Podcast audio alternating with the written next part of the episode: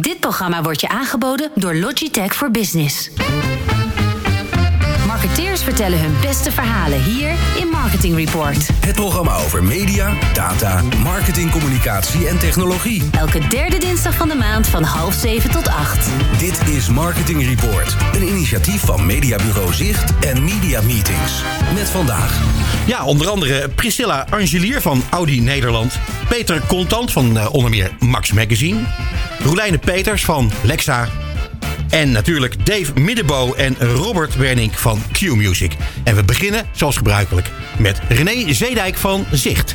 Dit is Marketing Report. Met Peter Wiebinga en Bas Vlucht. Marketing Report.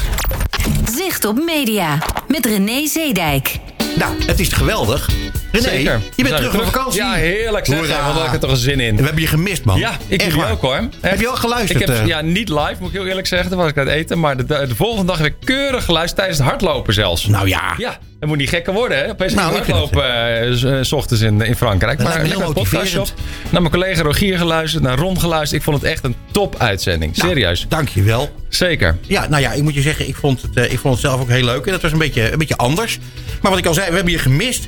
Ehm, en dat komt toch omdat jij natuurlijk degene bent die het, de een, eigenlijk de enige bent die het nieuws zo kan duiden. Ja, is dat zo? ja, vind ik wel. Oh, ja. dan ga ik weer een poging wagen hoor. ja, nou ja, goed. Jij komt ook altijd met goede onderwerpen. Waaronder ja, wat er nu gebeurt met de tv-reclamemarkt. Die eh, nogal is gedaald. Ja, dat Slecht nieuws. Ja, ik, ik las het vanochtend. De Screenforce, eh, het de tv-marketingorganisatie, kwam met het nieuws dat er 91 miljoen euro minder omzet is eh, in de tv-markt dan het, eh, het, hetzelfde half jaar, maar dan in 2019. Mhm. Komt natuurlijk door corona, dat, eh, dat zat natuurlijk wel dik in. Maar het is toch zo'n zo'n 23% lager eh, waar nu de markt uitkomt. Namelijk op 307 miljoen. En, eh, en wat ik net al zei, dus 91 miljoen euro verloren. En ja, het is een, het is, een- je ziet een daling zowel in en de spot omzet.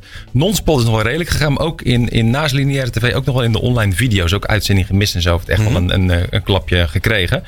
Ehm Screenforce verwacht wel ongeveer een gelijkblijvend of een hele kleine lichte daling in het tweede halfjaar. Waar we natuurlijk nu naartoe gaan. Ehm, dat denk ik ook wel. Ten merk- opzichte van vorig jaar. ja, ja, ja. Je, denkt, je merkt nu wel dat dat eh, eh, best wel wat aantrekt hoor. Merken we bij Zicht ook wel. Toch wel nieuwe campagnes en dergelijke. Want adverteerders ja, zijn toch wel een beetje gewend natuurlijk aan de situatie. Dus op een gegeven moment heb je toch, neem je toch de beslissing. Oké, we moeten door. Eh, natuurlijk de laatste ontwikkelingen over corona natuurlijk helpt daar niet aan mee. Hè? Als we natuurlijk daar ook van Rutte om zeven uur weer misschien wat, wat slechte nieuws horen. Dat zal nooit goed zijn voor de tv-besteding en dergelijke. Omdat Nee. dan hele grote brandingcampagnes vaak worden uitgesteld. Hè? Die performancecampagnes gaan wel door. Maar zitten wat vaker op radio en online. Eh, maar tv krijgt altijd wel klappen. Net zoals outdoor vaak, ja. Ja, we hebben het de vorige keer natuurlijk al over gehad. Ja. Mhm. Dat is inmiddels twee maanden geleden. Hè, dat eh, in principe eh, adverteerders gewoon moeten blijven communiceren. Absoluut. En dat er, en dat er eh, ruimte is en dat er meer tijd is Ja. om eh, naar hun boodschappen te kijken en te luisteren.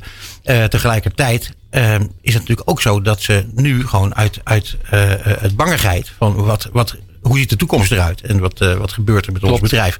Dus het, het wordt nu toch allemaal steeds wel wat ingewikkelder nu de tijd vordert. Ik vind het zelf ook ingewikkelder worden. Ja. Want, Ja. want ja, je had allemaal gehoopt van jongens, er komt dadelijk gewoon goed nieuws. Er is een medicijn en, en de consumenten hebben weer vertrouwen in het leven. En dat is natuurlijk nu toch wel weer een beetje aan het, aan het terugdraaien. Dat merk je ook wel. Ja, en adverteerders volgen het eh, eh, consumentenvertrouwen. Dat zal wel iets minder gaan worden. Dus ik, ik, ik hou me er hard ook wel een beetje voor vast de komende maanden. Ja, dat Ja. wel. Maar goed, het, het, ja, het is even afwachten. Ik hoop het natuurlijk niet. Om met Donald te eh, spreken, het is wat het is. Ja, het is wat het is. Ehm, ja, misschien wel leuk om nog even bij de, de tv-markt te blijven.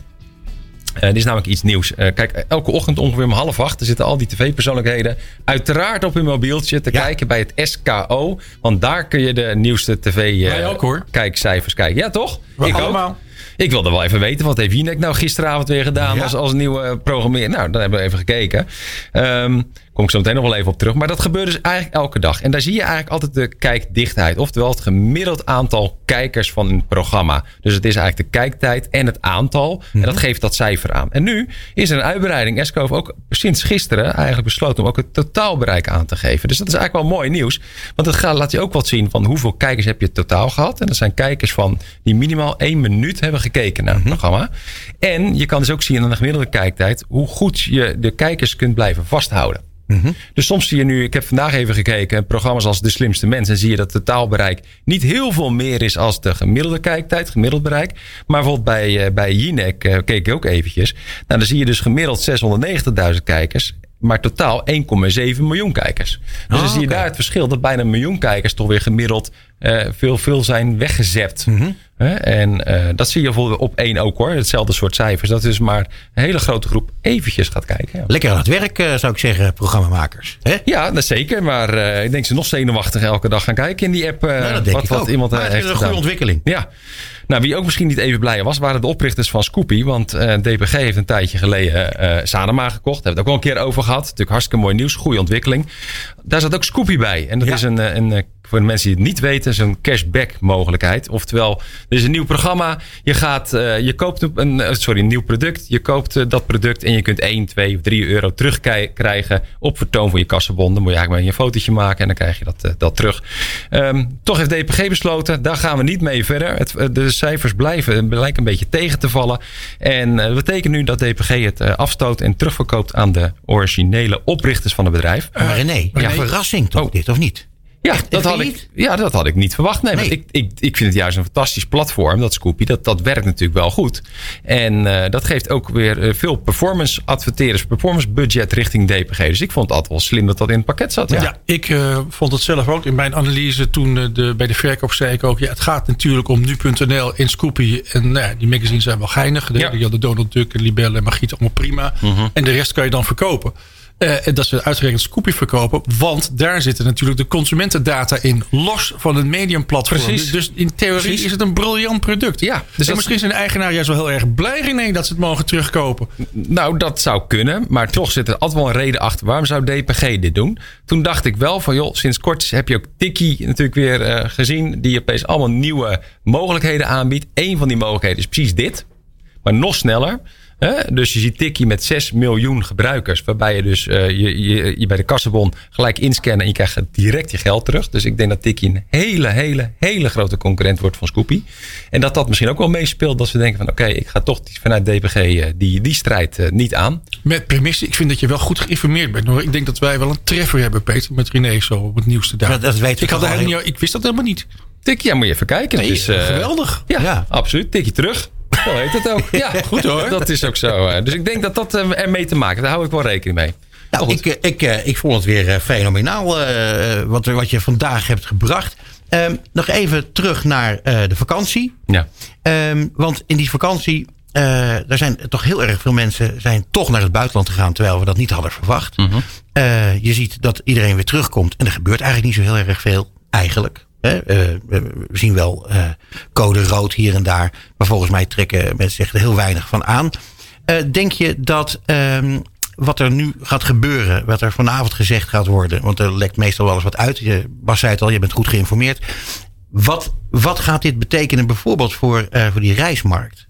Want die hebben nu toch alweer, er moet weer gevlogen worden. Vliegtuigen zaten vol. Ik heb er zelf ook in gezeten. Ehm, Nou, wat ik denk, er ik, ik denk de heftigste uitspraak is geweest een paar weken geleden. Dat eh, de Europese Commissie heeft gezegd: je moet als mensen het willen het geld teruggeven. Mhm. Want ik heb ook nog voor 800 euro aan coupons thuis liggen van Transavia. Nou goed, dan kan je wel de coupons eh, ooit gaan besteden. Maar als je niet wil gaan vliegen, ja, wat doe je daar dan mee?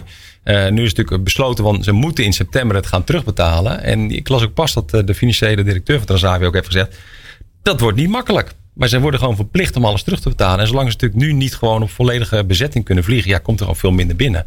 Dus ik denk dat die reismarkt eh, krijgt enorme klappen op dit moment. Eh, ik denk, eh, die, die consument gaat niet snel meer nu vliegen. Want die denkt, ja, lekker is dat.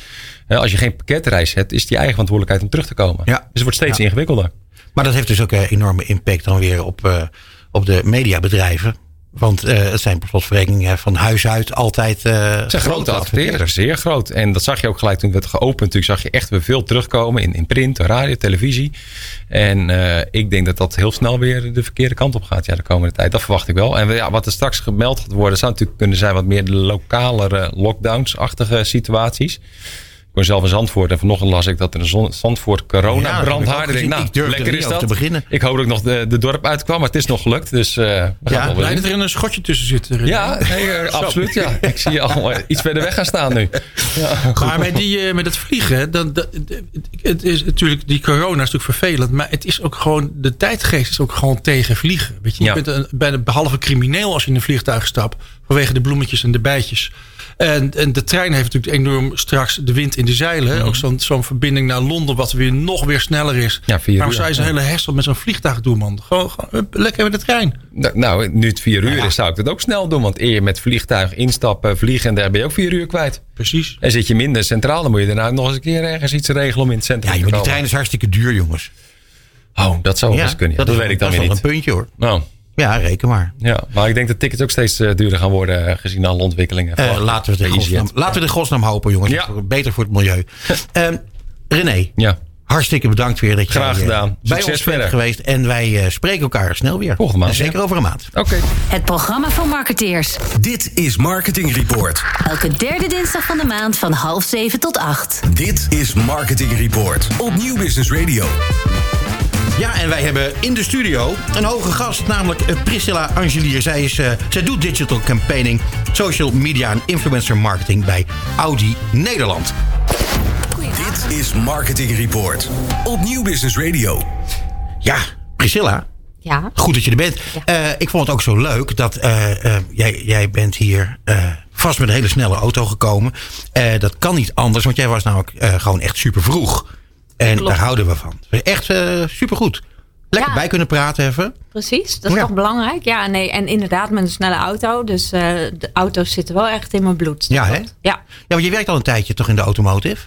dat klopt. Ik werk eh, al 18 jaar in de automotive. Waarvan de laatste 3,5 jaar bij Audi. Kijk, schitterend.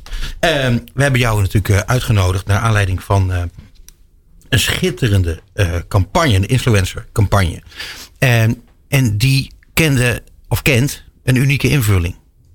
Ehm, zou je daar wat meer over kunnen vertellen? Denk het wel.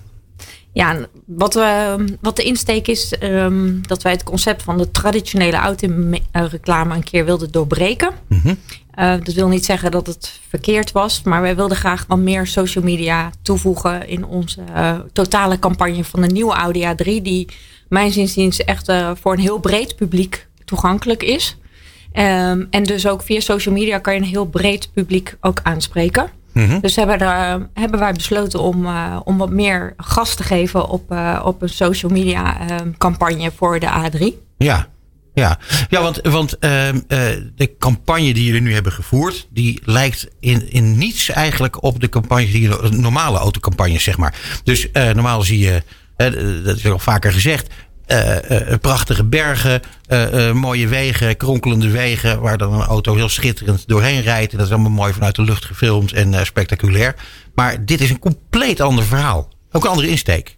Hoe, Dat- wat, hoe is dat gegaan? Ja, wat we belangrijk vonden is dat we een keer niet zelf willen vertellen wat, eh, hoe goed de A3 is of hoe mooi die is. Ehm, ehm, dus we hebben bedacht om, eh, om voor ons te laten spreken. We hebben daarbij twee personen, twee, twee bekende Nederlanders uitgenodigd. Waarvan we zeker weten dat die enorm veel passie voor ons merk hebben. Ehm, en zij, we hebben hen gevraagd om de commercial voor social media zelf te regisseren. En daar ook een, eh, een glansrol in te spelen. Ja, en heel duidelijk gekeken naar de twee verschillende persona's die dan natuurlijk eh, passen bij de Audi A3. En daar zijn Shelly Sterk en Valerio Zeno uitgekomen. Hoe, hoe, hoe, hoe hoe gaat het in zijn werk, dat die persona's vinden? Ja, van tevoren hebben we heel veel research gedaan bij dit model. Dit is natuurlijk ons volumemodel. En het is belangrijk dat we die echt een keer op een hele andere wijze wilden introduceren. Dus we hebben echt heel veel eh, research gedaan naar de doelgroepen. Mensen die er nu in rijden. Mensen die al pretenties hebben om deze auto aan te schaffen. Ehm, en daarbij dus op twee verschillende categorie mensen gemikt. En ehm, deze gebruiken wij dan ook in onze eh, social campagnes. Ja. Even terug, jij had het net over een volumemodel. Dat betekent dat dat, dat, eh, dat de A3 dat dat jullie, jullie eh, best verkopende model is? Het is wel het model waar, waarvan de instapprijs natuurlijk eh, eh, best wel heel interessant is. Ja, ja. Ehm, en waarvan ook de hoogste volumes verkocht worden. Oké. Dat klopt. Dus ehm, A3 is een belangrijk model voor ons. Hey, en Shelly en Valerio, rijden die allebei in een A3 of rijden die andere Audi's? Ik, ik durf niet te zeggen in welke modellen ze eh, op dit moment rijden. Ehm, maar ik weet wel dat ze allebei eh, heel trouw zijn aan ons merk. Ja, ja precies. Dat, dat, dat bleek dat al zo te zijn. Want je hebt die persona's heb je vastgesteld. Hè, waar, waar moeten die aan voldoen? En ben je uitgekomen bij deze twee. Ehm, eh, en wisten jullie al van hen dat zij vervente Audi-rijders en fans waren? Ja, van- ja, dat wisten we. We hebben het wel natuurlijk samen met een bureau ehm, verder onderzocht. Mhm. Dus, ehm, maar de relatie met Shelly is sowieso ehm, is, was al aanwezig. En waar, waar we heel duidelijk naar gekeken hebben is nogmaals van wie past er nou bij die persona. En Ja. aangezien de Audi heel toegankelijk is voor jonge gezinnen, hebben wij gekozen voor Shelly. Ja. Omdat zij natuurlijk net zelf ook moeder geworden is. En we hebben ten aanzien van eh, de andere persona, dat zijn de jonge ondernemers, beetje de urban types, eh, hebben we Valerio uitgekozen. Omdat we ook zien dat zijn werk heel erg eh, gericht is op die doelgroep. Ja, en op prijs wordt gesteld. Ehm, eh, vervolgens heb je tegen deze twee gezegd van aan de bak. Moesten ze, kregen ze een heel lijstje mee waar ze allemaal aan moesten voldoen? Of hoe is dat gegaan? Ehm, nou, eigenlijk hebben ze alleen maar van ons gehoord op welke twee eh, doelgroepen wij de auto hadden ingeschat. Mhm. Ehm, en voor de rest hebben wij hun volledig losgelaten. Dus het is echt volledig zowel eh, in productie als in het eindresultaat, eh, het ontwerp, de regie. Ze hebben zelf alles gedaan van A tot Z. Heb je een groot risico genomen? Klopt, Ja. dat hebben we gedaan. Maar- jullie nerveus? Op, eh, de, bij, bij, uiteindelijk, hè, je worden, opnames gemaakt. Daar valt nog misschien nog iets te sturen als dat nodig had moeten zijn. Eh, maar eh, ja, ik kan me voorstellen dat het een heel spannend traject is. Ja, dat, ja en nee. Ik bedoel, natuurlijk hoop je dat het een lijn ligt met wat je zelf denkt. Maar eigenlijk hebben we dat volledig losgelaten. Ik denk ook dat het goed is dat wij niet als Audi Nederland moeten pretenderen dat die auto op een bepaalde manier in de markt gezet wordt. En we wilden juist heel graag die twee mensen ehm, hun eigen idee laten uitwerken. Zodat het niet ons idee is. Dus Nee. Hey, en als je dan kijkt naar, nou, nou dat we even beginnen met Shelly. Eh, die heeft een, een commercial eh, bedacht, vervolgens gemaakt. Maar jullie pakken ook dat traject even anders aan. Want eh, er wordt in de eerste instantie gecommuniceerd via de making-of. Hoe zit dat? Ja, de- we wilden het dus echt anders doen. Dus we wilden niet met die perfecte, mooie commercial beginnen.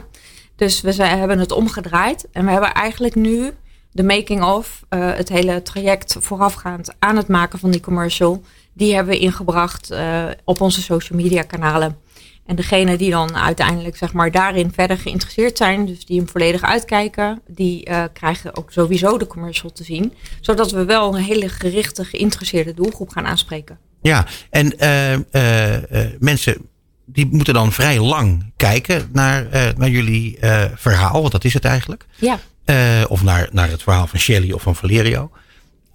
Dus lang, dat is eigenlijk niet helemaal des internets. Hè, want dat, dat, daar is alles heel erg, heel erg vluchtig.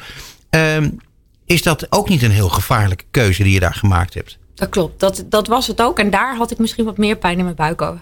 ja, begrijp ik. Ja. Ja. Maar wat we wel natuurlijk doen, is dat we heel duidelijk eh, of we, ehm, aan het AB-testen zijn. Dus we kijken echt wel van wat doet het. En we monitoren per dag ehm, of het niet te veel, eh, of, of de uitkijkratio wel hoog genoeg is, et cetera. En zo niet gaan we aanpassingen doen. Oh, wanneer ben je gestart? Bedoel, met, met, met uitzenden, zeg maar. Wij zijn gestart begin augustus. Ja, dat is gewoon, het is nog helemaal Dus vers. Heel vers. Dus ik kan ook nog niet alle eh, eh, resultaten met jullie delen. Maar eh, de eerste signalen zijn in ieder geval heel positief. En zeker als we naar de benchmark kijken. Vertel, eh, kun je iets erover zeggen? Ehm, nou ja, we Of weten dat, in ieder geval dat de uitkijkratio hoger is dan dat ik dus verwacht had. Ja. Dus er zijn echt heel veel mensen die toch die twee minuten vol willen maken. Ja, ja. En dat vind ik, vind ik op zich natuurlijk al heel goed. Ehm, en het gaat ons natuurlijk om dat wij gewoon met name willen laten zien dat we het een keer heel anders doen. En eh, dat, dat er dus toch blijkbaar ehm, interesse is in een making-of, geeft ons natuurlijk ook weer nieuw inzicht. Ja, ehm, ik zit me af te vragen, hoe werkt zoiets? Eh, jullie eh, hebben natuurlijk een moederbedrijf in Duitsland. Die die produceren heel vaak commercials die, die over de hele wereld worden aangepast naar, naar het land. Hè, Ja. met de tekst en ondertiteling, et cetera. Nu hebben jullie eh, iets gemaakt wat, wat eigenlijk gewoon ja, totaal, totaal anders is. Zij hebben dat uh, klaarblijkelijk goed gevonden. Uh, hebben jullie daar ook al een reactie op gekregen? Uh, ja, zeker. We hebben hele enthousiaste reacties gekregen vanuit Duitsland. Het klopt inderdaad dat er best wel wat materiaal um, um, gebruikt wordt. Normaal gesproken tijdens een introductiecampagne vanuit AG, vanuit, vanuit Duitsland, ja. de fabriek. Um, maar zij weten ook dat wij Nederlandse content en eigen content heel erg belangrijk vinden. En daar zijn we uh, zeker niet. Dit is zeker niet de eerste keer dat we iets doen wat echt volledig voor de Nederlandse markt van toepassing is. -hmm. Ja, ik vind het zo grappig, want uh, we zaten daar even vooraf over te praten. En toen zei jij dat jullie waarschijnlijk de eerste op de automarkt zijn. Of ja, die, die niet sec op de auto zelf gericht zijn in, in deze campagne. Um, het, wat ik net al even zei, het is, dat is een spannende beslissing om die, uh, om die te nemen. Uh, vervolgens laat je mensen helemaal vrij in wat ze gaan maken. Dan komt er uiteindelijk een resultaat. En het resultaat, daar lijkt je wel aardig content mee te zijn. Um, kan je misschien heel kort even omschrijven wat die twee uh, commercials betekenen, wat, wat er bedacht is? Ja, het is een soort van um, een documentaire stijl. Uh, waarbij je bij de eerste van, van Valerio, die uh, richt zich in zijn commercial en dus ook de making-of volledig op het exterieur van de auto. Mm -hmm. dus wat je ziet is dat bij Valerio wordt er een, een, een, shot van slechts twee seconden, totale videolengte, wordt opgerekt tot um, een langere tijd. Waardoor ja. je dus echt slow motion beelden gaat krijgen. En dus eigenlijk is de auto niet eens het belangrijkste item in deze commercial. Maar is het echt de vertraging en eigenlijk alle effecten eromheen. Met rook en, en langzaam vallende pingpongballen. En een bekende Nederlandse freerunner die op de achtergrond een salto maakt. Die eigenlijk het totaalbeeld van, van die commercial zijn. Dus het gaat ons niet zozeer om, om de A3 in dit geval. Het gaat ons echt sekken om het totaalbeeld. Ja. Dus het is super uh, super mooi. Ja, het ziet er super aantrekkelijk uit. Ja. En bij, ja, bij Shelley is het eigenlijk het verhaal dat zij wil heel graag met humor uh, haar verhaal vertellen. Mm -hmm. En met kinderen. En dat is bij haar ook gelukt. Ja, ik vond het, uh, ik vond het goed gedaan. En het kwam ook, het kwam ook grappig genoeg best wel natuurlijk over. Oh, dat dus het, hè, dat vind ik knap gedaan. Ja. Ja, echt goed. Um, kijk, je zei al van het maakt ons even niet uit wat Audi Nederland vindt, maar wat vindt de consument? Um, uh, je hebt al een beetje getest natuurlijk. Uh, jullie blijven doortesten. Uh, wat vindt de consument? Kan je daar nu iets over kwijt? Um, nou, als ik, um, als ik puur kijk naar de social campagne. Want overal gezien heb ik nog te weinig informatie. Omdat we nog te kort draaien. Mm -hmm. maar je kunt natuurlijk alle reacties heel makkelijk verzamelen. En dan zien we echt wel dat er, dat er gelukkig heel veel reacties zijn van... Hey, eindelijk eens een niet-traditionele autoreclame. Um, dus dat is eigenlijk al het doel bereikt. Ja, ja. Ja, ik vind, ik vind het heel bijzonder. Uh, zou het uh, overdreven zijn te stellen, Priscilla? Dat, je, dat jij hiermee misschien wel een hele nieuwe wave hebt uh, gestart in automotive reclame? Nou, dat doe je me wel heel veel eer. Nou ja, dat zou toch kunnen? Nou ja, ik, um, ik weet het niet. Ik denk wel dat het iets is dat we zeker vaker zouden moeten gaan doen. Mm -hmm. um, denk ik ook. Maar er zijn nog genoeg andere mogelijkheden om ook weer nieuwe modellen aan te prijzen. Ja, nou, we gaan het allemaal zien. Uh, ik dank jou enorm voor je komst hier naar onze studio. En uh, nogmaals mijn complimenten voor uh, datgene wat je, wat je allemaal hebt gemaakt met Shelly en Valerio. Super bedankt dank en heel veel succes. Dankjewel. Dit is Marketing Report op Nieuw Business Radio. Dit is Marketing Report op Nieuw Business Radio. En in de studio Peter Contant, die uh, hier ja, heel vlakbij zit. Uh, hij is uh, uitgever van onder meer Max Magazine, Goois. En hij is ook betrokken bij de Online Radio Awards. Peter, welkom man in de studio. Ja, Peter ook. Uh, fijn dat ik hier mag komen. Nou ja, het, ik vond het. Uh, ik, ik, jij had een, een, een, uh, een reden waarom je iets later binnenkwam. even goed hoefde je toch maar een paar stappen te zetten. Jouw kantoor zit hier hemelsbreed 100 meter vandaan, geloof ik. Ja, 100 meter. Hoe, hoe, is het, hoe is het allemaal gegaan met, met het ja, voetballen? Nou, het is een dilemma. We hadden de, um, de deadline voor het nieuwe Max Magazine. En je weet dat in de, in de ruimte gonst de transfer van de Ronald Koeman naar Barcelona. Ja. Dus ja, ik moest besluiten of ik het nou toch hem op de cover zet als zijnde dat de deal gemaakt is of dat het nog niet rond is. Ja, dat is spannend. Dus we hebben het toch maar gedaan. En uh, ja, dat is toch altijd een gok. En dan denk je, nou ja, we zien het volgende week wat het, uh, wat het is. dat lijkt me echt super spannend, man. Ja, maar dat is ook wel heel leuk natuurlijk, hè, dat je dat mag besluiten. Ja, zeker. Ja, ja. En dat, dat, dat is volledig in jouw handen, toch? Ja, dat ja. denk ik ook. Maar het is toch, uh, dit is toch allemaal perfect gegaan? Nou ja, toch? In zover. Het is natuurlijk allemaal goed gelopen, maar je moet een stukje hebben vanmiddag. Je moet een verslaggever ja, ja. die dat er weer maakt. En ach ja, je weet, je weet Peter als geen ander hoe dat werkt. Nee, dat klopt, dat klopt. Zeg, uh, Goois als lifestyle uh, magazine, daar heb jij ook uh, veel met radio gedaan. Hè? Of doen jullie veel met radio als kanaal, onderdeel van het, van het totaalpakket? Ja. Is dat ook de reden waarom jij betrokken bent bij de Online Radio Awards? Ja, dat is helemaal correct. We hebben eigenlijk met Goois een van de eerste bladen waar we destijds die gekozen hebben om radio in te zetten als een onderdeel van de hele campagne. Ja, dat betekent dus na social, uh, al de, al, iedereen deed dat. Mm heb, ik gezegd, heb ik gezegd, ja, ik vind het wel heel leuk om er ook radio in te betrekken. En uh, waarom? Ja, heel simpel. Uh, je moet wat met radio hebben.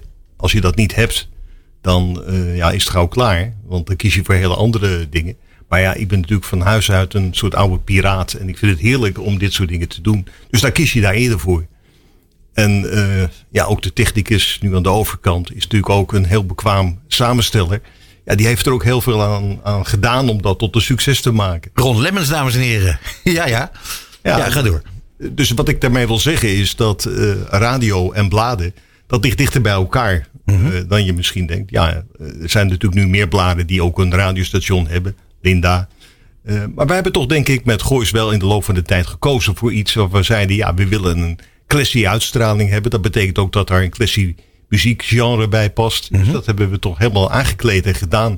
Ja, en ik moet ook zeggen, als ik dan, uh, het is de laatste maanden niet zoveel meer het geval, maar als ik dan wel eens ergens anders op de wereld ben en ik luister de winnaar, dan denk ik altijd, ja, dit is toch wel heel erg leuk. Ja. Nogmaals, ja. je verdient er niet zo heel veel aan, eh, Peter, maar het is wel een hele leuke investering, omdat ik het nog steeds hoop dat er op een goede dag uh, ja, mensen toch gaan kiezen voor dit fenomeen. Nou ja, uh, misschien dat je er niet zo heel veel aan verdient. Maar het draagt toch ook bij aan, het, uh, aan, de, aan de, uh, de, sterkte van je merk. Ja, dat is het zeker. En, en, en, ook nu zie je dat, dat dat blijft groeien. Ook door dit soort activiteiten. Mm -hmm. En daar vind ik het ook van twee kanten belangrijk dat we dit blijven stimuleren. Het wordt steeds breder, het wordt mooier. En ja, het zet ook steeds meer luisteraars aan om ook te kopen en ook naar het blad te gaan. Uh, hoe gaat het? Oh, Bas die wil even wat vragen tussendoor. Nou, ik ben, dat kan hoor, Bas. benieuwd, Peter, uh, hoe jij kijkt naar, even los van online radio, maar gewoon radio in het algemeen. Hoe staat de radio er gewoon bij? Zo een beetje half post-corona of interim-corona, of hoe je het ook wil noemen. En uh, ja, hoe doen we het met radio in Nederland? Waar, waar word je blij of, of, verdrietig van? Nou ja, ik word sowieso niet heel gauw ehm, blij of verdrietig van radio. Ik vind het heel leuk dat er heel veel eh, zenders zijn uh, ik luister ook naar heel veel zenders niet meer. Um, dus ja, ik maak er een eigen keuze in. Dat heeft ook te maken met als je wat ouder wordt, dan ben je ook niet meer iemand die ten prooi valt aan elke grill en grol van een marketeer. Ja, en bijvoorbeeld uh, later in de show komt Dave Minnebo hier op bezoek. Die heeft natuurlijk ja. eerst de 538 tot, tot in de, de hemel uh, op, opgeworpen. En doet nu hetzelfde met uh, Q-Music. Heb je daar heel veel bewondering voor? Of? Nou, ik vind dat heel knap dat dat gebeurt in zoverre is het natuurlijk wel zo, dat moet ik heel eerlijk toegeven. Wat wij met, met Goois Music doen, dat is natuurlijk een klein team. En daar speelt natuurlijk ook een beetje mijn eigen sentimentenrol. En of dat ja, qua marketing allemaal even efficiënt is. Ik denk best als daar iemand met de ogen van deze tijd naar kijkt, dat die zegt, nou Peter, je bent lekker bezig, maar je kan ook nog dit en dat doen. Dus er zit ook een stukje gevoel in uh, en een stuk plezier wat je wil beleven aan bepaalde uitingen. Dus ik heb dat wel met radio. Daarom vind ik het ook gewoon belangrijk om het te doen. A, omdat het wat toevoegt aan het uh, product Goois. En B, omdat ik het leuk vind. Ik uh, kan nog sterker vertellen. Ik, uh, ik ben ervan overtuigd dat radio alleen werkt als het gemaakt wordt in mensen die er heel veel plezier in hebben. en dat moet in radio echt te horen zijn. Uh, dat is het knappe, vind ik dan ook, van stations zoals 538 of, uh, of Q. Dat ze in staat zijn om iets te bedenken. Uh, wat ze ook als, als leidraad vasthouden, wat hun merk, waar hun merk voor staat. Maar dat dat oprecht eh, plezier is. Of oprecht betrokken, of oprecht, maar altijd oprecht. Nou, maar anders werkt het dat, niet volgens dat mij. ben ik dus echt, Peter, wat je nu zegt. Ik heb je hoog staan. Je bent Dankjewel. buitengewoon bekwaam mens. Wat je nou allemaal zegt, dat ben ik echt niet met je eens. Wat we wel zien, en we komen automatisch nu op die eh, Radio Awards. Ja, Waarvan jij zegt Radio Awards, maar goed. Dat nou ja, je zelf radio award. Maar ja, award is ook een Engels, Engels woord. Ja, dat is zo. Maar- Radioprijzen. Ja, maar dan zie je juist dat er zo ongelooflijk veel kleine stations zijn. Dat zijn mensen thuis die lekker aan het pionieren zijn. En ik denk niet dat de echte creativiteit zit. Met alle respect voor onze vrienden van Q, 538. Die weten wel hoe ze dat commercieel allemaal draaien en doen. En die kunnen alles bedenken, ook met hun kracht. En met het eh, financiële eh, element wat achter ze staat. Nee, ik denk juist dat het gaat om veel kleinere partijen die in staat zijn om veel meer te doen. Dat vond ik ook het leuke aan de, de verkiezing die we nu hebben staan van de Radio Awards. Dat er dus in één dag, hè, dat was net open, hadden we al 10.000 stemmen. Ja, dan denk ik, ja, dat zijn niet de mensen uit de sector. Dat zijn echt gewoon de mensen thuis. Kleine zendertjes. Mensen, oude piraten die met liefde eh, toch weer kiezen voor hun eigen genre en stijl. En ik denk met name in Nederland, als je daar eens kijkt wat er allemaal aan de hand is. Dat is veel meer dan wij hier ooit eh, bevroeden. Als ik dit zo hoor, Peter, dan denk ik dat wij ook steeds meer kans maken op die awards, of niet? Nou, dat zeg je nu al, Bas. Maar ik denk ook dat je een punt hebt. Ik zou dat ook zeker met het netwerk wat je hebt. Waar toch heel Ah, veel. daar zijn we natuurlijk veel te netjes voor. Ja, dat, zouden wij nooit doen. Nee. Nee. Stem op ons? Nee, dat doen wij niet. ken je nee. ook heel niet. Nee. We zijn er veel te integer. Stem op Goois. Ja, Nou, dat zou je kunnen doen als je dat vindt. Maar het zou ik zeggen, luister dan eens een keer. En dan weet je het in ieder geval. Ja, maar goed, jij hebt zelf eh, gezegd dat je eh, keuzes maakt en eh, naar steeds minder zenders luistert. Wij worden ook al een dagje ouder, Peter. Dus wij moeten ook keuzes maken. Wij we moeten zitten wel in dit vakgebied, maar we kunnen natuurlijk niet alles. Nee, maar goed, even terug naar de awards. Ja. Radio Awards. Wat, wat kunnen we allemaal verwachten? Ja, het is natuurlijk een andere situatie dan vorig jaar. Ja. Waarbij we toch zagen dat er hele jonge talenten waren. En ook hele oude masters. Willem van Koten en Jan van Veen. Wauw. Als dat nog wat eh, mensen wat zegt. Ik weet niet. wat, ik, vond, ik vond dat Willem van Koten vorig jaar echt super veel lawaai maakte. Nee, maar goed, dat, dat geeft. Maar dat, er was een heel beeld en geluid naast ons helemaal vol. Dat gaan we nu niet meemaken. Nee. Het is natuurlijk een, een, een event met ja, hooguit 70 mensen op dit moment. As we speak, er is natuurlijk zo'n persconferentie. Misschien dat het nog wel minder wordt, je weet het niet. Eh, dus dat is heel jammer aan de ene kant. Aan de andere kant, ja. eh, ik denk wel als je kijkt naar mensen die gewoon thuis zitten en stemmen en het kunnen meemaken online. Ja, die zullen ongetwijfeld eh, daar ook weer heel veel plezier aan gaan beleven. Want ja, het leeft wel. Dat is iets wat onmiskenbaar zeker is. Ja, hoe zit het met, met de podcast? Dat begint inmiddels een, een, vorstelijk fenomeen te worden. Opnieuw, want het, het, was er ooit. Het is gek genoeg verdwenen. En inmiddels ja, is het, is het eh, helemaal terug. Is de podcast here to stay wat jou betreft? Absoluut. Ja, dat is eh, echt een, een, een, een vol punt wat je maakt. Ehm, als je ziet wat er momenteel gaande is op het gebied van, eh, ook bij onze leden. We hebben natuurlijk een voor, die bestond aanvankelijk uit online radiomensen. Nou, dat is de, de laatste tijd natuurlijk enorm toegenomen met ja, podcasters. En, en mensen kiezen uit alle hoeken en gaten, kiezen ze invalshoeken. En de creativiteit, en, eh, die, die is onuitputtelijk. Je zal zien dat dat de komende tijd eh, nog veel meer gaat toenemen. Dus ik ben daar heel enthousiast over. eh, ook over ja, hoe, je, hoe makkelijk je dat kan maken. Sterker, als wij hier nu met z'n vieren zitten. Ja, je zou gewoon elke avond hier ook iets kunnen maken. Ik, ik vind het wel een hele aantrekkelijke gedachte. Nou ja, ik zou zeggen, heren, denken er over. Nou ja, dan moeten we eerst maar eens even kijken of er ruimte is in, eh, in dit pand. Want eh, ze maken hier heel veel radio. eh, heel veel online radio en heel veel podcasts. Hè, toch Ron? Ja, zie je. Ehm, Peter, die, die eh, podcast nog eventjes. Ehm, die, die podcast, die, die, ik wil bijna zeggen, die zien er anders uit. Die, die klinken anders dan voorheen. Eh, er worden veel meer eh, mini-programmaatjes gemaakt, heb ik het idee. Ehm, is dat ook iets waar, waar binnen eh, de awards naar gekeken wordt? Eh, Naar, naar eh, originaliteit, of, nieuwe, nieuwe ontwikkelingen, et cetera? Want ik, moet heel eerlijk zeggen dat ik daar zelf niet zo heel veel verstand van heb. Maar jij wel. Gelukkig wel, ja. Ja. Kun je er iets meer over zeggen, over hoe, dat, hoe zich dat ontwikkelt? Nou ja, wat je ziet, en dat is het gekke. we gaan dit jaar natuurlijk ook allemaal inzendingen krijgen. Ik weet nog niet eens wat. Maar vorig jaar Er was zo ongelooflijk veel.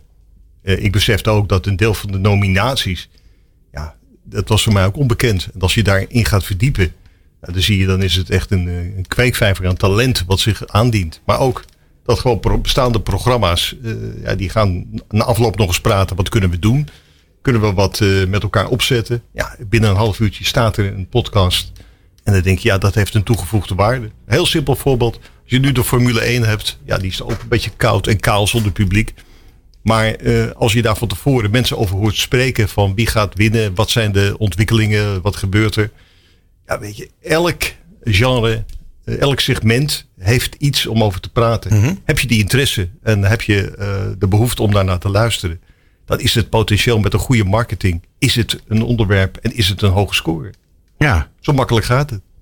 Ehm, dan is er wel heel erg veel. En dan moet je het ook nog kunnen vinden. Dus daar komt marketing om de hoek kijken, denk ik. Ja. ja. Ik Ja. denk dat dat ook het grootste probleem is op dit moment. Dat je de, de, de, hoe vind je het?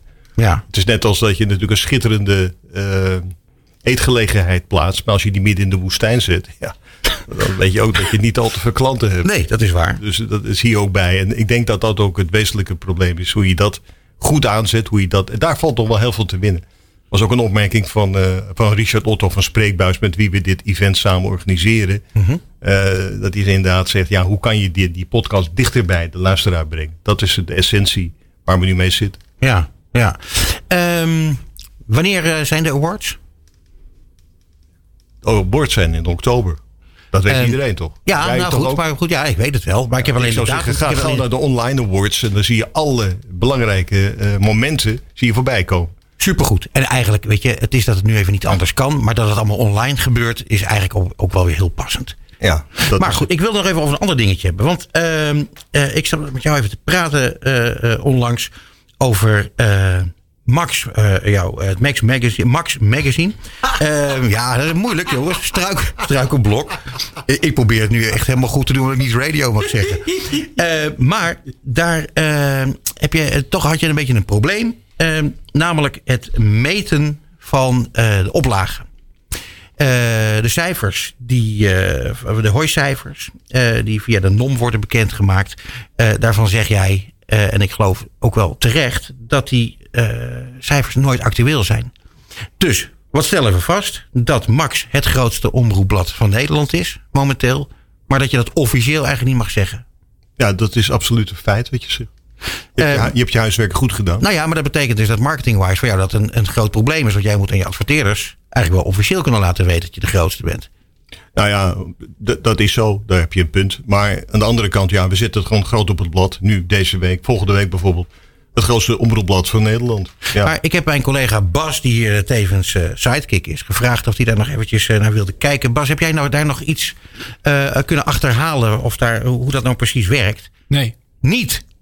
Dat is toch werkelijk, dat vind ik nou echt een tegenvaller.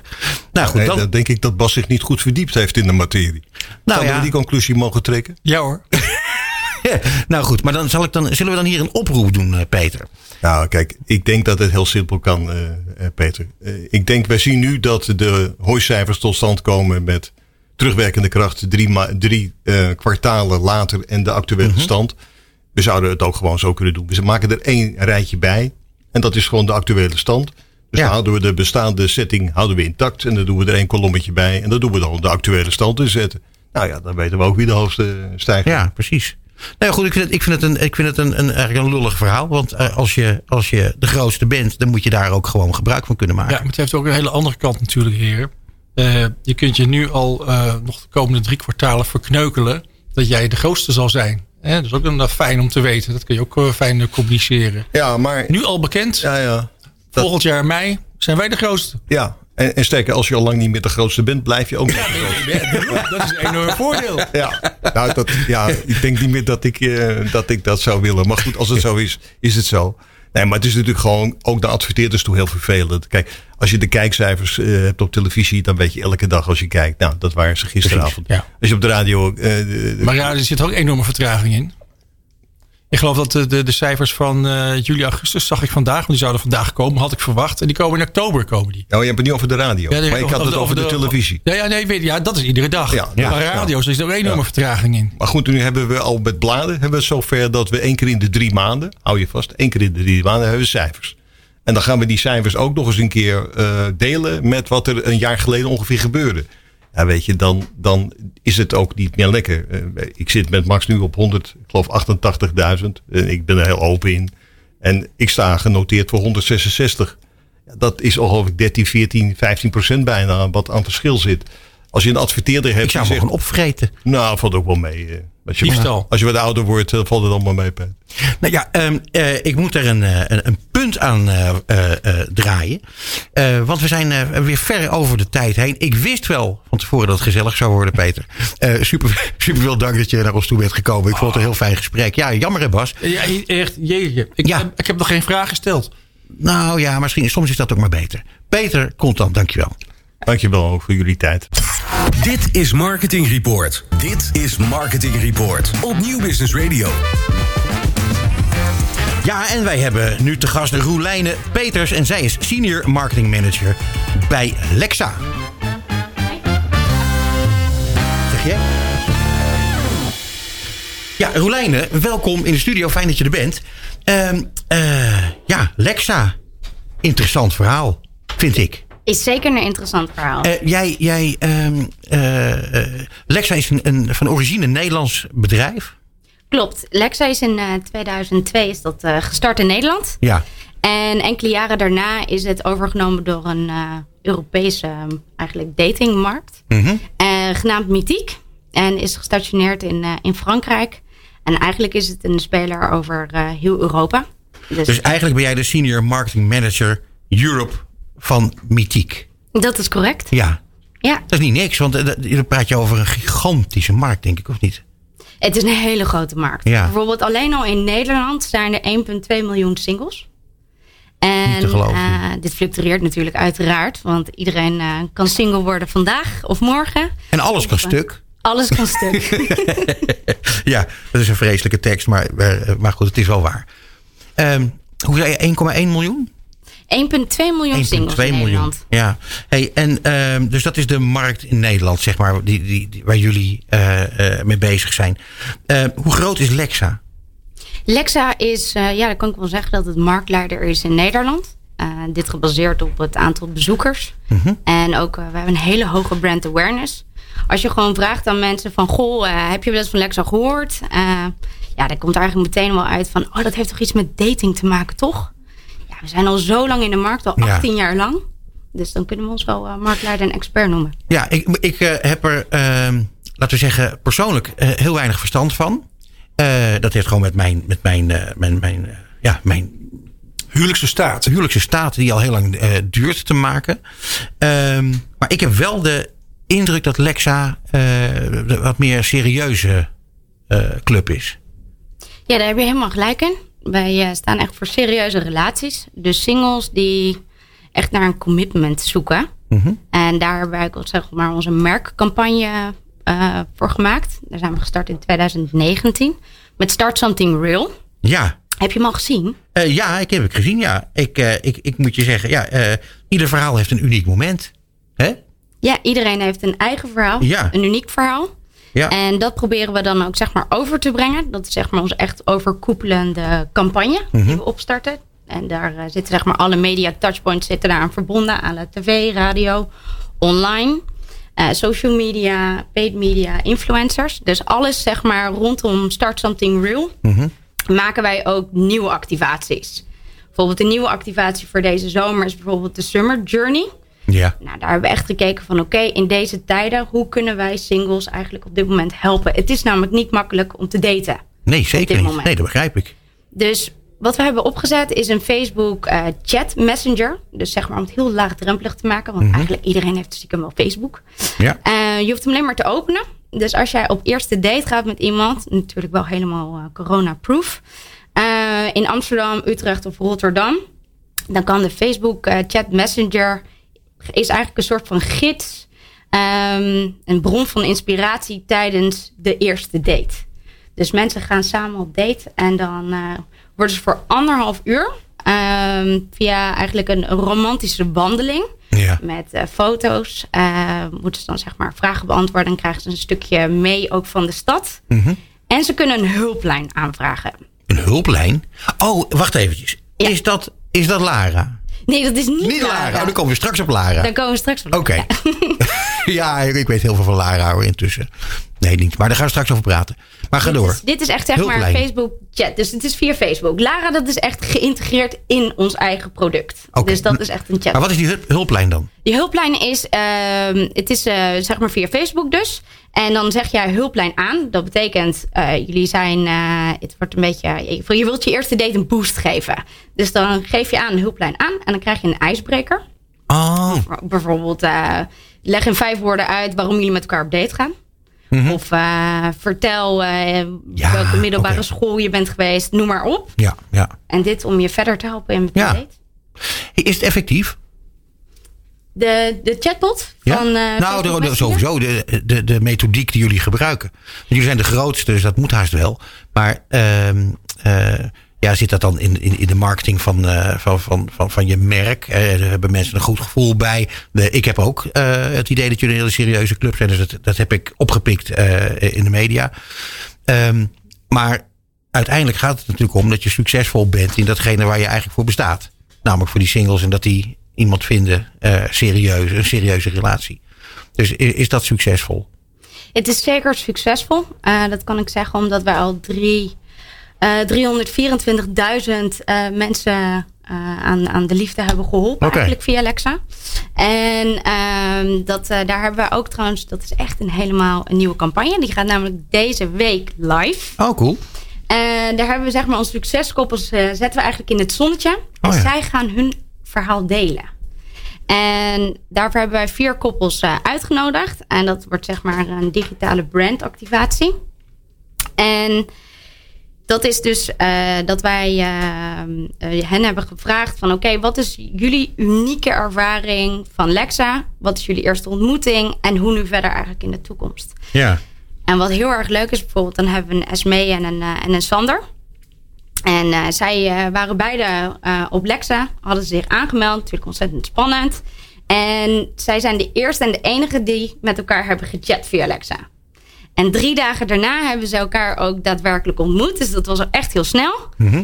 En nu zijn ze in verwachting van hun eerste kindje. Kijk, nou, en dat komt mooi uit, want, uh, want uh, ik kreeg net een. Uh, via het internet kreeg ik net een vraag binnen.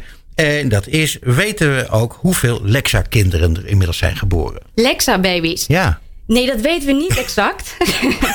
een goede vraag op zich. Een hele goede vraag. Uh, nee, daar zouden we verder onderzoek naar moeten doen. Maar dat hebben we, in ieder geval, dat staat wel op de planning. Oké. Zeg, uh, uh, dan even over de, de data. Oh, die mensen die, die, die laten allemaal dingen van zichzelf weten in, aan jullie. En jullie kunnen, dan kan je matchen, neem ik aan. Ehm, wat gebeurt er met die data van al die mensen? Uh, de data blijft bij ons op het platform. Mm Dat is natuurlijk uh, de privacy van, uh, van de members als ze zich inschrijven. natuurlijk is er een nieuwe policy ingekomen vorig jaar in september. Ja. Dus daar moet Lexus natuurlijk ook aan voldoen. En aan die richtlijnen voldoen wij ook. Dus mensen kunnen ook opvragen wat wij van hen weten. Mochten ze dat willen. Maar dat is vrij weinig, want we mogen niks opslaan. Okay. Dus we mogen ook verder niks gebruiken daarin. Oké, dus jullie businessmodel heeft in elk geval met die data verder niet veel te maken? Nee, de data kan niet verkocht worden. Nee, nee, oké. Uh, ik zie Bas, die, die wil heel dolgraag iets ja, vragen. Ja, mag. Nou, doe maar. Nou, leuk. um, kijk, je, hebt dan, je, je, maakt dan heel veel reclame. Je hebt een merk en op een gegeven moment komen mensen bij je met uh, veel plezier. En dan je hebt zeg maar klanten. Ja, en dan vinden die mensen elkaar. En dan, uh, ja, weet je, dan zijn ze goed vertrokken, misschien. Ehm, ik kan me ook voorstellen dat je op een gegeven moment denkt van nou, 325.000 matches. Hè, die, dat zijn eigenlijk allemaal klanten of in ieder geval klanten geweest begint het niet ergens te, dat je denkt, ja, misschien een, eh, een, een post-matching service. Of eh, ja, je kan natuurlijk van alles verzinnen. Wat je, wat je nog met die mensen zou willen doen. Die je met zoveel moeite naar je toegetrokken hebt. En die dan, ja, die zijn gematcht zijn. En dan vallen ze eigenlijk buiten, buiten je bestaande product. Maar je zou er ook nog andere dingen mee kunnen verzinnen. Bijvoorbeeld. Nou, ik denk wel ten eerste dat wij de eigenlijk bijna enige service zijn. Die juist wil dat de members weer verdwijnen. Oh. Uh, want je wilt natuurlijk dat er succes komt. Je wilt ook dat je een verse database houdt. Als iemand voor jarenlang op jouw product, geval datingproduct zit, dat betekent dat het geen succes heeft. Nee, maar dat bedoel ik niet. Hè? Ik bedoel uh, meer van uh, als je dan 325.000 matches hebt, dan kan ik me ook voorstellen dat je dan bijvoorbeeld een blije box stuurt met allemaal leuke producten erin. Of gewoon dat je verder de bedrijfskolom ingaat. Hè? Want dit, die mensen heb je bij je. Ja, en die, die, die vertrekken dan weer. Maar als het er zoveel zijn, kan me voorstellen dat je op een gegeven moment gaat denken aan productdiversificatie. Diversificatie. Ja, ja, ja, dat, dat, dat woord bedoel ik. Ja. uh, wel worden dat soort vragen wel eens gesteld. Dus als we een succeskoppel hebben, dan, uh, even, dan delen ze een verhaal met ons. Dat vragen we ook van, goh, wat is de reden dat je je afmeldt voor Lexa? Nou, als dat succes is, vinden we dat natuurlijk ontzettend gaaf. En dan vragen we ook of dat ze het verhaal willen delen. Als ze dat hebben gedaan, dan gaan we altijd kijken of dat we een persoonlijk presentje kunnen sturen. Of een lovelock, dat hebben we een tijd gedaan. Zodat ze zeg maar hun liefde kunnen bezegelen. Bijvoorbeeld in, uh, aan de brug in Parijs. En uh, dus zeg maar zo loopt zeg maar meer de flow. Maar echt om die mensen verder te gaan traceren, nee. Okay. Trouwens, het gaat al heel erg goed bij Lexa, eh, Bas. Ja, nou ja. ja het hoeft niet allemaal uh, nog commerciëler. Uh, maar even terug, Lara. Wie is Lara? Lara is onze virtuele datingcoach. Ehm, dit is eigenlijk eind 2017 hebben wij dit gelanceerd. En het was de eerste chatbot voor, de, voor de datingwereld. Dus wij waren erg uh, innovatief en, en, nieuw daarin. En wat, wat, kunnen we met Lara? Wat, wat, doet, die, wat doet die voor mij als, als Op dit moment is het dat als je zeg maar naar Lexa toe gaat, dan kom je mhm. direct in contact met Lara. Mm Zij gaat singles helpen om een profiel op te maken. Ah, oké. En direct ook worden er dan matches gegeven. Zo van, oké, vind je dit profiel leuk, ja of nee? En dan gaat ze met jou meedenken van, oké, naar wat ben jij nou eigenlijk op zoek? Ja. En dit, uh, deze maand eigenlijk uh, gaan wij iets nieuws lanceren met Lara. Want we gaan eigenlijk nog een stapje verder. En wat we willen is dat Lara of zeg maar op een nieuwe manier een wingwoman wordt voor de singles. Dus die blijft bij je? Die blijft bij je, zeg maar, met tips. En uh, zij beantwoordt, zeg maar, allerlei vragen van singles. Dus gepersonaliseerd bedoel ik dan. -hmm. Die iemand heeft. Cool. Het is super cool. Ja. ja. super gaaf. Ja, maar het is echt nieuw. Dit is super, super nieuw. Ja. En uh, het is al live in andere landen. Dus zeg maar in mythic landen. En het werkt ontzettend goed. Er worden onwijs veel berichten met haar zeg maar, gecorrespondeerd. -hmm. En we hebben ook heel veel matches daar al uit. Dus dat betekent dat het ontzettend effectief is. En dit willen we natuurlijk ook in Nederland proberen. Ja, dat begrijp ik. En uh, hoe moet ik me dat voorstellen? Dat je, je zegt bijvoorbeeld, nou, ik ben ik heb een date, ik ben 45, 2 meter lang, uh, net iets te zwaar en uh, nou, ik heb wel of geen baard. En wat moet ik aan? Dat kan je bijvoorbeeld vragen. Exact. Ja? Wat kan ik aan op mijn eerste date? En dan gaat zij jou een tip geven. Maar gepersonaliseerd voor mij, hè? Voor jou. Ah, leuk. Ja, van hoe te kleden. En uh, bijvoorbeeld ook van waar zou ik dan een date moeten scoren? bijvoorbeeld, er zijn, we hebben ook evenementen. Op dit moment is dat wat rustiger in verband met, met de coronarichtlijnen. Ja. Maar dat soort tips kan ze dus ook geven van... God, er is een aankomend event. Ga daar eens heen. En wellicht is daar een leuke match. Als je nou, als je nou bijvoorbeeld gewoon iemand bent... Die, die gewoon echt geen schijn van kans maakt op een date. Dat kan, die, die zijn er toch? Ja, ik denk dat eigenlijk iedereen wel kans maakt op een date. Maar... En zij, Lara, zou je hier dus perfect bij kunnen helpen... van okay. hoe ga ik een eerste bericht sturen? Ze stimuleert ook van... hey, ik zie dat jij nog helemaal geen berichten hebt uh, gestuurd... Mm -hmm ik zie wel dat jij ja, deze profielen hebt bekeken, maar op een hele leuke en positieve manier. Ja. En uh, zij gaat dan helpen van oké, zie je dat dit en dit in zijn profiel staat of in haar profiel. Of jullie hebben deze overeenkomsten. Vraag daar iets naar. En dan samen kan er een bericht worden geschreven. Ik vind het eigenlijk super mooi dat je uh, een campagne hebt en die heet Start Something Real. Uh, en dat dat geholpen wordt door artificial, artificial intelligence. Dat is toch schitterend eigenlijk? Dit is een perfecte match. En ik denk ook, even tenslotte, dat dit waarschijnlijk juist op dit moment, in, die, in die rare coronatijd, waarin mensen, ja, dat daten veel moeilijker is, dat juist waarschijnlijk zo'n Lara extra van dienst kan zijn, of niet? Ja, want ze kunnen namelijk ook een gesprek aangaan met Lara zelf. Ook al is het virtueel. Mm -hmm. Het is niet echt, het is artificial intelligence. Dus er zit niet een persoon achter. Maar zij is wel geprogrammeerd voor gepersonaliseerde antwoorden. Mhm. Dus inderdaad, Je kan daar een gesprek mee aangaan. Ik zie hier echt een, een trend ontstaan. Real Artificial Intelligence.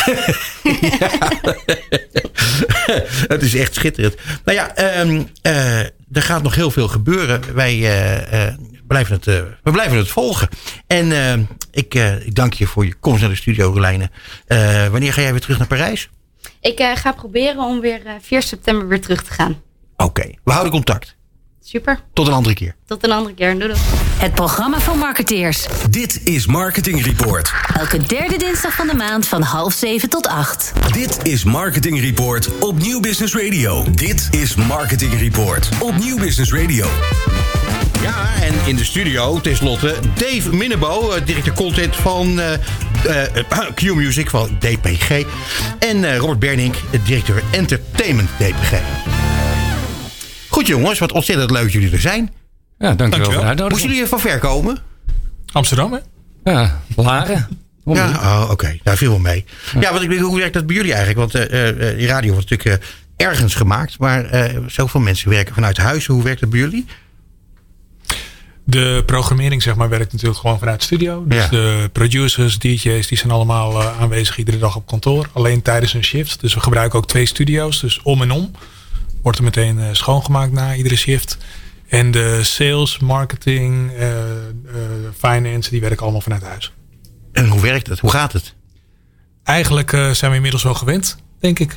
Ja, het is, wat dat betreft gaat het eigenlijk boven maats. En je zou bijna zeggen, we kunnen, we kunnen de huur opzeggen. Mensen kunnen vanuit huis werken. En nee, het, het draait heel erg goed. Ja, nou dat mag je wel zeggen, want we hebben iets te vieren, heren. Ja, volgens mij. bijna 15 jaar. Bijna 15 Ja, dat bedoel ik wel. Ja, ja. ja. en, uh, en uh, er gebeurt dan ook nog iets heel moois. Zo vlak voor dat uh, 15-jarig jubileum. Want jullie zijn marktleider geworden. Nou, gefeliciteerd. Jullie, ik moet eerlijk zeggen, dat is ook heel grappig dat dat aan jullie gezichten te zien is. Hoe fijn je dat vindt. ja, dat is waar. Het is, nee, maar het is uiteindelijk natuurlijk een, een waardering van de luisteraars voor wat we, wat we al jaren aan het doen zijn. En uh, we, zijn een weg omhoog geslagen de afgelopen jaren. En uh, als het dan eenmaal zover is dat de waardering zover is geuit in de markt, marktaandeel. En je mag jezelf marktleider noemen op ja. 2049. Ja, dat is de mooiste waardering die wij kunnen maar Robert, hoe, hoe, hoe heeft die, die weg eruit gezien? Even in het kort. Poeh. Ja. Helemaal terug naar het begin. Ah, België. Ja, ja. ooit startte Q-Music in Nederland en nam Noordzee over. En uh, we kwamen op een uh, mooie frequentie en met een mooi doel. We wilden tussen de radiozenders 538 en uh, Sky Radio eigenlijk een, een, positief geluid geven. En dat deden we eigenlijk best wel met een mooi gelikt Amerikaanse station met veel dynamiek, positiviteit, aansprekende acties. En een, ja, vanuit een DNA, wat ik nog steeds eigenlijk heel mooi vind als ik daar terugdenk, dat ze zeiden: bij Q-Music is het altijd vrijdag. Ja. En dat zit in een bepaald gevoel wat wij nog steeds proberen te realiseren. Dat hebben we gedaan met, uh, ja, eerst met een, met een merkbelofte. Q is good for you. Daarna hadden we You Makers Q. En nu zeggen we Q sounds better with you. Uh, maar altijd om, draaiende om wat onze luisteraar wil. En daar doen we heel veel onderzoek naar. En nog steeds is dat eigenlijk denk ik de basis van wat wij goed proberen te doen. Wat ook aansluit op, op ons DNA en wat ook zo gevoeld wordt. En uh, nou, nu 15 jaar later, na heel veel acties, heel veel muziek, heel veel verschillende mensen, maar altijd wel de optelsom van wat we als merk doen, brengt ons nu hier. Dus dat, uh, ja, dat is eigenlijk niet heel veel anders dan wat, hoe we ooit begonnen zijn, maar wel met heel veel consistentie en een eenduidig beleid. En dat heeft zijn tijd nodig, zeker in radio. Ja. Uh, Dave, jij hebt op verschillende plekken gezeten in Radioland. Ja. En je mag wel zeggen dat jij nogal wat succes hebt meegemaakt. Ja, ik, ik kom bij, bij Radio 538 vandaan, waar ja. ik 18 jaar gewerkt heb. En ja, marktleider geworden in 2004.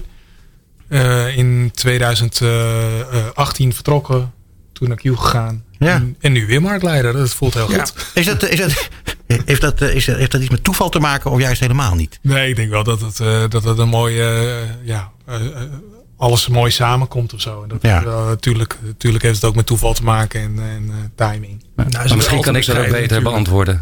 ja, doe jij dat maar even. Ja, want dit, nee, hier veel te veel bescheidenheid. Vanuit de bescheidenheid is dat heel lastig. Nee. Ja.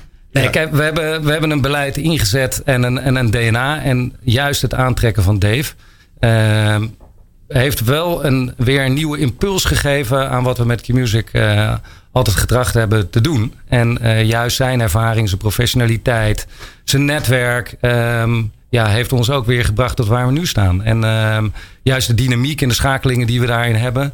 Um, ja, is dat alle complimenten aan Dave. Dus zeker heeft hij daar een hele grote rol in. Ja, Robert, Kijk. kun je dat uh, concreet maken? Ik bedoel, wat kan Dave bijvoorbeeld wat andere mensen niet kunnen? Kun je dat uitleggen? Ja, Dave heeft heel veel niet. Nee, dat is. Maar wat hij heel goed kan, hij is een, een mensenmens. Hij staat heel dicht bij zichzelf. En dat sluit ook wel aan bij een radioproduct waarin je een gevoel probeert over te brengen. En dat gevoel zit in mensen. Uiteindelijk is Q de optelsom van al onze medewerkers en vooral de optelsom van de, van de mensen in de studio. En Dave kan daar met verfijning uh, uithalen wat, um, ja, hoe je het verschil maakt. Dus welke muziek um, dien je in een bepaalde flow neer te zetten? Wat is een, een goede aankondiging of een afkondiging van een, uh, van een, uh, van een nummer? welke acties slaan aan, hebben succes bij, bij onze luisteraars? Pardon. bij onze luisteraars. En uh, ja, het moet binnenkomen. En dat, dat kan hij als geen ander aanvoelen voordat het ook werkelijk op de radio is. En dan ook samen met, uh, met de jocks uh, proberen om dat te verfijnen ook gedurende de actie. Want dat is ook radio. Het is niet één keer inpluggen, maar het is blijven bijstellen en de knoppen zo zetten dat het totaalplaatje goed klopt. En dat, uh, ja, dat vind ik Dave. En dat is heel dicht bij zichzelf. Ik dat Dave ook verstand had van welke plaatjes je moet draaien. Maar dat is... Uh... Ook nog. Ja. Dat zei hij net. Ja. Meer dan dat. Ja. Goed luisteren. Ja. ja. Doe het best. Dave, ik heb aan jou nog een vraag. Het is misschien een beetje een lange vraag. Maar daar had ik me al de hele tijd op verheugd van het moment dat ik wist dat je kwam. Je hebt onlangs een interview gegeven aan uh, Parool. En uh, daarin heb jij geschetst dat toen jullie marktleider werden, dat Christian van Tillo, dus de baas van TMG, sorry, van DPG Media, Oei. onderdeel van uitmaken. Um, die had jou toen een krat champagne gestuurd. Nou, uh, geweldig. En uh, mijn, mijn vraag aan jou nu is: uh, maakt het voor jou als programmadirecteur. wat maakt het voor jou uit dat je onderdeel bent van DPG Media? Brengt jou dat in jouw werk, brengt je dat iets? Of maakt het helemaal niks uit? Nou, in eerste instantie, uh, uh, toen ik naar Q Music ging. Overigens, die, die krat champagne die had hij gewoon naar het hele bedrijf gestuurd. Hè. Dus uh, hij had een, wel een mooie persoonlijke boodschap er overal bij gegeven. Dus het is niet dat hij het alleen naar mij had gestuurd. Oké. Maar, maar ik vond het wel een heel mooi gebaar. En hij is wel, wat dat betreft, stuurt hij wel gewoon persoonlijke mailtjes met als we succes hebben, dat hij daar heel blij mee is. En dat, dat, dat is gewoon fijn als je dat natuurlijk af en toe krijgt van de, van de grote baas. Maar ik denk dat uh, dat ik pas sinds ik bij Q ben gaan werken, merk gewoon ja, hoe krachtig DPG eigenlijk is met alle merken die er zijn. Nu ook weer natuurlijk met uh, Sanema erbij. Alle kruisbestuivingen die we kunnen maken. Uh, de nieuwe functie van, van, van Robert, die natuurlijk nu ook echt directeur entertainment is. Waardoor we ja, nog veel meer kunnen samenwerken met alle merken. Dus ik vind het heel fijn om, om onderdeel te zijn van DPG. Ja, is, ik vind dat, dat is ook een vraag die ik wilde stellen. Um, uh, de kracht van, van, van zo'n groot uh, mediaconcern. Op het moment dat er echt iets heftigs gebeurt op je station. Zoals de, de, de, de ellende met Matti en Wietse. Dat, ik weet niet precies hoeveel, maar dat, dat moet een, een flinke klap geweest zijn. ook waarschijnlijk qua aantal luisteraars, schat ik zo eens in. is het op dat moment van belang om zo'n groot concern achter je te hebben staan? Of komt het dan juist meer op jullie eigenlijk aan om ervoor te zorgen dat je zo'n crisis te boven komt? Nou, beide. Het is heel fijn om in, in zo'n tijd, want ja, het kost ons heel veel luisteraars. Uh, en niet alleen luisteraars, maar ook een deuk in je imago. Je mhm. hebt een reputatie gebouwd in jaren, consistente communicatie. En dan merk je ineens dat, dat ook een NPS-score terugvalt. Dus het is op heel veel lagen werden we geraakt toen de tijd. En uh, op het moment dat een, een organisatie of een directeur of een grote baas, eigenaar uh, geen vertrouwen geeft in een lange termijn strategie. Uh, want we werden wel degelijk gevraagd: what's next? Hoe ga je het oplossen? Dus kom met een plan. En daar heb je samen vertrouwen in. En daarmee hou je vervolgens de rust. Mm-hmm. En dat is iets wat ik toen, uh, toen de tijd wel degelijk gemerkt heb: de rust en het vertrouwen naar het management. Maar daarmee ook het management de kans te geven om het vertrouwen uit te uh, te stralen naar, naar de organisatie, naar de vloer. En dat, dat wordt wel degelijk gevoeld. En uiteindelijk moet je als radiomaker en als medewerker het vertrouwen voelen van een visie en uh, het vertrouwen dat het goed gaat komen. Ja, en dan vervolgens moet je, dan komt de weg terug. Want je moet je luisteraars terug zien te pakken. Of je moet nieuwe erbij zien te betrekken. Of allebei. dan moet je campagne gaan voeren. Dan is, denk ik, PR wordt een, wordt een, een belangrijk kanaal. Omdat je, het gaat om gevoel per slotverrekening. Dus je komt dan vervolgens met Matti en, kom, hoe heet zij het? Marieke. Marieke. sorry, ik ben er niet helemaal in thuis, zoals je hoort. Ehm maar goed, dat moet je bekendmaken. Dat moet uh, sfeer krijgen. Mensen moeten, ja, er, moet, er moet ook een beeld bij, uh, bij komen. Nou, dat doen jullie altijd heel goed. Bas en ik reden naar hier naar Hilversum. En toen kwamen we langs uh, de A4, A10. Nou, ook bij de A10. Gigantisch billboard met, met die 3D. prachtige microfoon. 3D oh, ja. erop. Ja, cool ja, gedaan. Mooi, Complimenten. Niet onopgemerkt gebleven. Nee, zo is dat. en daarom roep ik het nu natuurlijk ook even. Maar hoe ziet dat er dan uit? Wat, wat, hoe werkt dat? Nou, het is, het is veel meer dan alleen de, de PR. Het is, het is een totale plaatje. Het, het, begint met een goed product. Uh, een goede programmering. De juiste mensen op de juiste plek.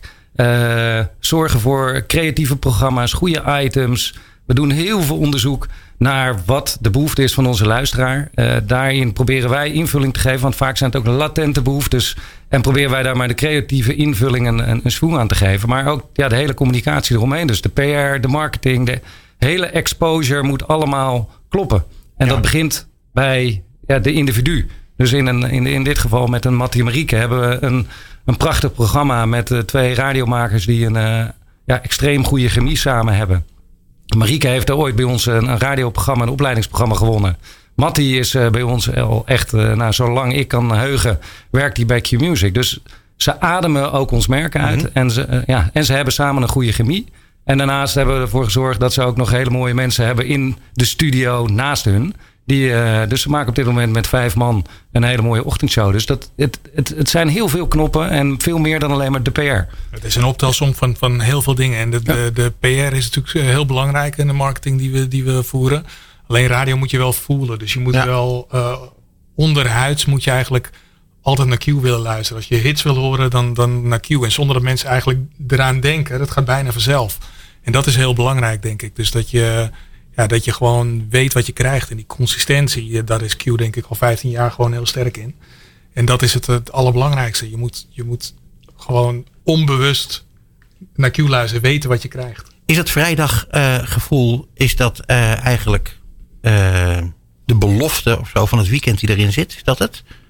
Zeker, alleen uh, wij zeiden bij Q is het elke dag vrijdag. Ja, en dat is dat gevoel wat uh, eigenlijk ook onderhuid zit. Want wat is dat nou op een vrijdagmiddag richting die bol? Uh, Je werkweek afgesloten, misschien wel hele mooie projecten of presentaties gedaan. En een aantal dagen vrij. dat gevoel, dat is voor iedereen wel wat anders. Maar door het zo te benoemen is het een soort van uniforme ja. beleving. En wij zeggen nu bij Q-Music hebben wij een missie waarin we heel nadrukkelijk zeggen... wij willen plezier, energie en een goed gevoel geven in het leven van onze luisteraar. En dat willen we 365 dagen per jaar doen. Dat doen we met luisteraars, maar dat is eigenlijk ook de boodschap die een, een accountmanager of iemand op de finance afdeling of vanuit events met zich meedraagt. We willen altijd dat extra stapje zetten, dat gevoel geven dat iemand speciaal is, dat je bijzonder bent, dat er uh, naar je geluisterd wordt en ook de, ja, dat je iets terug mag zeggen. Want ook dat is bij Q ontzettend belangrijk. Ja, je ziet dat de, de radiowereld, hè, als je hier een camera zou ophangen, wordt het niet bewezen. Vijf mannen bij elkaar. Het is echt, echt, echt een mannenwereld. Hè. Wij publiceren ieder jaar de Radio 50, waarin jullie uh, al het aantal jaar het genoeg hebben om daar hogere plaats in, in, te nemen. Maar in die lijst wordt ook gedomineerd door, uh, door mannen. Bij tijdschriften zijn het allemaal vrouwen. Hè. Het is overal weer anders. Uh, maar je ziet ook weinig vrouwelijke presentatoren. En dan hebben jullie juist, juist Marieke. En ik ben benieuwd uh, uh, wat dat doet voor jullie luisteraars, jullie profiel. Uh, want zij is natuurlijk steen en steen goed. En wat brengt je het feit dat zij een vrouw is? Of meet je dat niet? Of maakt het helemaal niet uit? Of ik neem aan dat jullie overal over nadenken, dus daar ook over nadenken. Ja, maar wel op de manier zoals Marieke is gewoon echt steengoed, wat je zelf ook zegt. Dus die past daar heel goed. Wij zijn denk ik als station een beetje 50-50. Qua mannelijke luisteraars en vrouw, vrouwelijke ja. luisteraars. Het, het gaat gewoon om, om de kwaliteit. En, en niet per se. Wij denken niet na van we moeten per se een vrouw in de ochtend hebben. Ja, maar ik, ik kan me voorstellen, als je bijvoorbeeld een vrouwelijke presentator hebt, ja, weet je, misschien direct het ander soort luisteraars. Misschien juist wel heel veel mannen of niet. Of, of, of, of. als ik daar een toevoeging aan mag geven. Het is niet alleen Marieke, we hebben ook Hila. We hebben nieuwslezers, Fien, Annemarie. Dus we hebben behoorlijk wat, wat, wat, wat vrouwen bij ons op de radio. En dat geeft wel een dynamiek. Maar de basis ligt wel in de kwaliteit. Maar de dynamiek en de chemistry kan verschillen. En daarvoor moet je een goede match hebben tussen mannen en vrouwen. En het, om een maatschappelijke rol te kunnen vervullen. En zeker in een ochtendshow waarin je veel thema's bespreekt gedurende de dag. Dan is een rol van Marieke. En dat, ja, weet je, het is een vrouw. Maar ze heeft de rol van een vrouw. En kan dat misschien ook veel beter overbrengen op de radio. En het is niet alleen maar vanuit een mannelijk perspectief gebracht. Ja, uiteindelijk heel veel gezinnen leven ook met een, een vader en een moeder thuis met kinderen. En uh, dat geeft vaak wel verschillende inzichten. Dus dat kan een voordeel hebben. Ja. Maar de basis ligt wel in de kwaliteit. Um, dan nog eventjes, uh, waar we het nog niet over hebben gehad. Dat is namelijk over het meten. Hè? Wat doen jullie met die, met die data? er wordt heel erg veel geluisterd via de FM. digitaal is groeiende, maar nog steeds niet zo heel groot, geloof ik. Hè? Nee, de, het, het, grootste deel van onze luisteraars uh, luistert nog via, via de FM. en via de traditionele radioontvangers. Natuurlijk hebben we ook DAB+, mm waar uh, veel in geïnvesteerd wordt door de hele radio-industrie. Dus dat doen we ook gezamenlijk met de commerciële en de publieke uh, landelijke en regionale omroepen samen. En we zien nu dat ongeveer 20% van de beluistering dat dat digitaal is. dus ja, dat kan voornamelijk via internet gebeuren. En dat biedt je de mogelijkheid om te zenden, maar ook iets van data terug te krijgen. En ja, dat is, uh, dat is wel de toekomst waar, ja, waar we steeds meer gebruik van kunnen maken. Kan je er iets over zeggen? Ik, ik, probeer elke keer eh, mensen te ontfutselen hoe ze daar tegenaan kijken. Hoeveel jaren het zal duren eh, eer, we, eer dat 50-50 is bijvoorbeeld. Durf je er iets over te zeggen? Nou, ja, ik weet niet wat, wat een uitspraak uh, uh, waar daartoe zou leiden. Want, want uh, het nou ja. vijf jaar, duurt het tien jaar. Eigenlijk maakt het maar niet zo heel veel uit. Wij willen als, eh, als radiomakers willen wij via alle mogelijkheden willen wij ons eh, signaal uh, naar, naar onze luisteraars toe kunnen sturen. Of dat via DB Plus is of via een, een, een internetkanaal of via de FM. We zijn er en daarin moeten mensen ons kunnen consumeren op de, best, de op, meest optimale manier. En dat is via mobile device of via een, een aparte ontvanger ja, het maakt mij nog niet zo heel veel uit. En uh, uiteindelijk zullen wij volgen wat, wat de luisteraars doen. Mm En wij zorgen dat ons product daarmee goed is. En uiteindelijk ook dat uh, ja, op het moment dat het gedigitaliseerd is, dat ook de adverteerders daar zullen volgen. Want dat is natuurlijk ook wel een belangrijk element. En we zien nu dat, ik meen dat ongeveer 1% van de totale uh, netto inkomsten in, in radio, dat dat ook digital only is. Dus dat is eigenlijk nog, nog minimaal als je dat vergelijkt met de traditionele kanalen. Het is een, uh, een mooie wereld, de wereld van radio. Zeker. En daarom feliciteer ik Dave Minnebo en Robert Benink nogmaals met uh, en 15-jarig bestaan. Maar vooral met uh, het marktleiderschap. Jongens, nogmaals heel erg hartelijk gefeliciteerd. En dank voor je komst hier naartoe. Dank je wel, Peter. Tot zover Marketing Report op New Business Radio. Alle gesprekken zijn terug te luisteren via podcastkanalen als Spotify, Duke of Apple Podcasts. Komende maand zijn we er weer op de derde dinsdag van de maand tussen half zeven en acht uur. Tot dan.